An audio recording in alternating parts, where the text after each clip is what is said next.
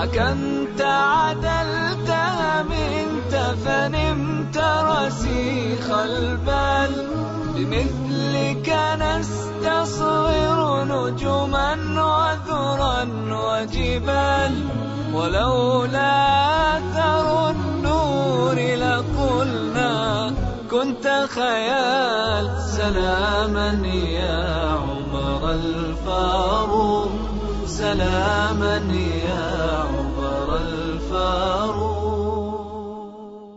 بسم الله الرحمن الرحيم أيها الإخوة والأخوات السلام عليكم ورحمة الله وبركاته. أهلا وسهلا بكم من جديد في حلقة من برنامجكم قصة الفاروق. عمر تجاوز أن يقف عند فقط الحرام أو المكروه. لا لا لا. عمر كان عنده شيء اسمه الورع. والورع أن تترك شيئا من الحلال خشية أن تقع بالحرام. هذا الورع. عمر سمح للناس في بعض الأشياء منع نفسه وأهل بيته منها.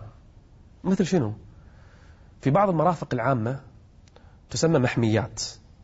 كان الناس يأتون بالإبل أحيانا إبل الصدقة أو إبلهم الخاصة يرعون فيها. أماكن عامة للناس. يوم من الأيام شاف بعض شاف بعض الإبل موجودة فسأل وكان عمر بنفسه يتابع إبل الصدقة. شاف بعض الإبل سأل لمن هذه؟ قالوا هذه لابنك. ابني أنا؟ قالوا نعم. من؟ قالوا عبد الله فنادى عبد الله تعال يا عبد الله تعال. قال ما هذه الإبل؟ قال إنها لي. قال من أين جئت بها؟ قال اشتريتها من السوق. وجعلتها ترعى حالها حال الإبل الأخرى. قال لا. من أذن لك أن ترعى بها هنا؟ قال يا أبي هذا المكان لكل الناس هذا هذا مرفق عام يعني. كل الناس يرعون فيه. قال لكنك أنت تختلف. يعني شلون أختلف؟ قال أنت إذا جئت بإبلك ماذا يقول الناس؟ هذه إبل ابن أمير المؤمنين. فيتركون الأرض لها ويوسعون الطريق لها. اتركوا إبل ابن أمير المؤمنين لترعى إبل ابن أمير المؤمنين. طبعا عبد الله بن عمر ما فكر بهذا لكن عمر فكر بما هو أبعد. قال هذه الإبل تبيعها الآن. قال ثم ماذا؟ قال تأخذ فقط رأس مالك. يعني لما اشتريتها وهي ضعيفة كم اشتريتها؟ تأخذ فقط رأس مالك الذي دفعته في البداية. قال والمال إذا زاد إذا فاض قال أرسله إلى بيت المال. لا يحق لك أن تأخذ شيئا منه. لما يا عمر تفعل هذا؟ ورعا. يخاف عمر أن يأتي يوم القيامة فيسأله الله عز وجل عن هذا المال. هل من حاكم اليوم اتركوا الحكام العرب نتكلم حتى عن الأوروبيين ورؤساء الدول؟ هل من حاكم ورئيس دولة اليوم يتعامل هذه المعاملة مع أولاده؟ عنده شيء اسمه الورع مو بس القانون. يتجاوز القانون يمنع على نفسه أشياء ما يمنعها من الناس فقط يخاف أن يقع في الحرام فيسأله الله عز وجل. إنها قصة رجل بأمة. إنه الفاروق عمر. سلاما يا عمر الفاروق. سلاما يا عمر الفاروق. يوم من الأيام عمر رضي الله عنه صار مريضا مرض واشتد به المرض. فجاءه الطبيب قال دواؤك أن تأكل شيئا من عسل. قال عسل ما عندي عسل. من أين آتي بالعسل؟ تخيلوا هذا رئيس الدولة ها؟ هذا الحاكم. الطبيب يقول له دوائك أنك تأخذ عسل. قال ما عندي عسل. فقال أحد عماله أحد آه، أصحابه قال في بيت المال يوجد شيء من عسل. وقد جعل بيتا للمال يوضع فيه أموال المسلمين. والطعام وغيره الذي على الفقراء. قال في في بيت المال شيء من عسل. أنحضره لك؟ قال لا. هذا ليس لي. هذا للمسلمين. قال قال وأنت منهم. أنت محتاج الآن مريض. قال لا. لكن احملوني إلى الناس.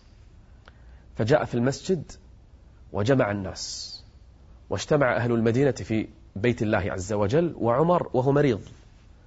يخطبهم قال لهم إن هذا الطبيب قد أخبرني أن دوائي في العسل ولا أملك عسلا لكن هناك عسل في بيت المال فإن أذمتم لي كلكم أكلت منه وإن اعترض أحدكم فإني لن آكل. من يسويها؟ من يفعلها اليوم؟ هذا عمر. لا كغيره من البشر. هذا عمر يستأذن الرعية أن يأخذ شيئا ولو ملعقة من عسل من بيت المال. فأذن الناس جميعا وأكل من هذا العسل. هذا شيء يسمونه ورع عند عمر بن الخطاب رضي الله عنه. مو بس الحلال والحرام عنده فوق الحلال والحرام يوم من الأيام تخيلوا يأتيه آه، قوارير تأتيه من آه، من من طيب مسك وعنبر من البحرين. أتت إليه. هذا من المال أيضا. يريد أن يوزعه على الناس. لكن هذا الطيب يوزع بالوزن.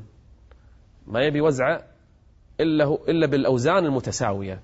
فسأل قال هل من امرأة تحسن الوزن؟ عندكم وحدة لأن كانت النساء معروفات بالوزن الدقيق. عندكم امرأة تحسن الوزن فتزنه لي؟ توزع لي هذا الطيب. فجاءت امرأته عاتكة. إحدى زوجاته. قالت نعم يا أمير المؤمنين أنا أحسن الوزن. قال أنت لا. طيب ولما؟ تريد امرأة تزن وأنا أحسن الوزن. قال أخشى أن تقولي بيدك هكذا وهكذا. أشار إلى عنقه. أن تمسحي يعني بالطيب شيئا من عنقك. أخشى. فيسائلني الله عز وجل عنه يوم القيامة. جماعة. واحد قاعد يوزع الطيب. يعني يمكن وهو قاعد يوزع شوي مسح من الطيب حق نفسه. هذا بكل الدنيا تصير. أي واحد يعني قاعد يقسم الأكل يمكن يذوق. يوزع الطيب يمكن شوي يتطيب. لو يسوي أي شيء يصيبه. شيء من هذا الذي يوزعه.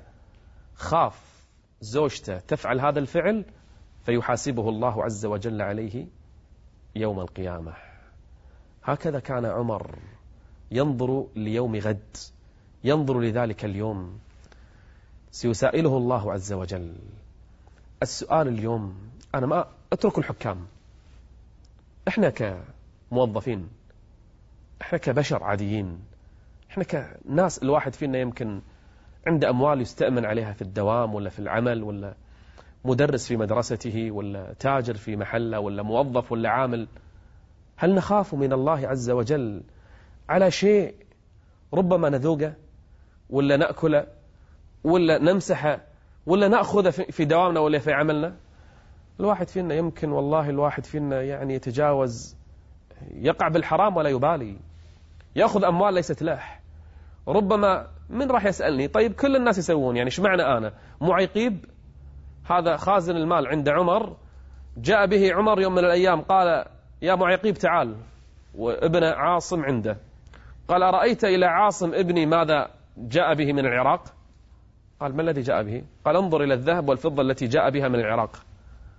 فسأل معيقيب عاصم من أين جئت بها يا يا, معي يا عاصم؟ عاصم ولد عمر. قال والله ذهبت إلى العراق. وأعرف أناسا من أصحابي. ناس أعرفهم قبل ما يروحون العراق يعني بيني وبينهم علاقة. فأهدوني إياها. قال عمر لا عليك منه يا معيقين. قالوا هذا ابن أمير المؤمنين فأعطوه. وما أعطوه إلا لأنه ابني. فيقول عاصم لا يا أبي أعطوني لأنني أعرفهم ويعرفوني. قال لا لا عليك منه يا معيقيب ما أعطوه إلا لأنه ابني. خذ هذا كله منه. فأخذه معيقيب قال ماذا أصنع به؟ قال ضعه في بيت مال المسلمين. هكذا كان عمر يتعامل حتى مع أولاده وأهل بيته. الحلال حلال والحرام حرام بل ترك جزءا من الحلال مخافة أن يقترب من الحرام. فرضي الله عن عمر وجمعنا الله به في جنات النعيم. نلقاكم بإذن الله عز وجل في حلقة مقبلة. استودعكم الله والسلام عليكم ورحمة الله وبركاته.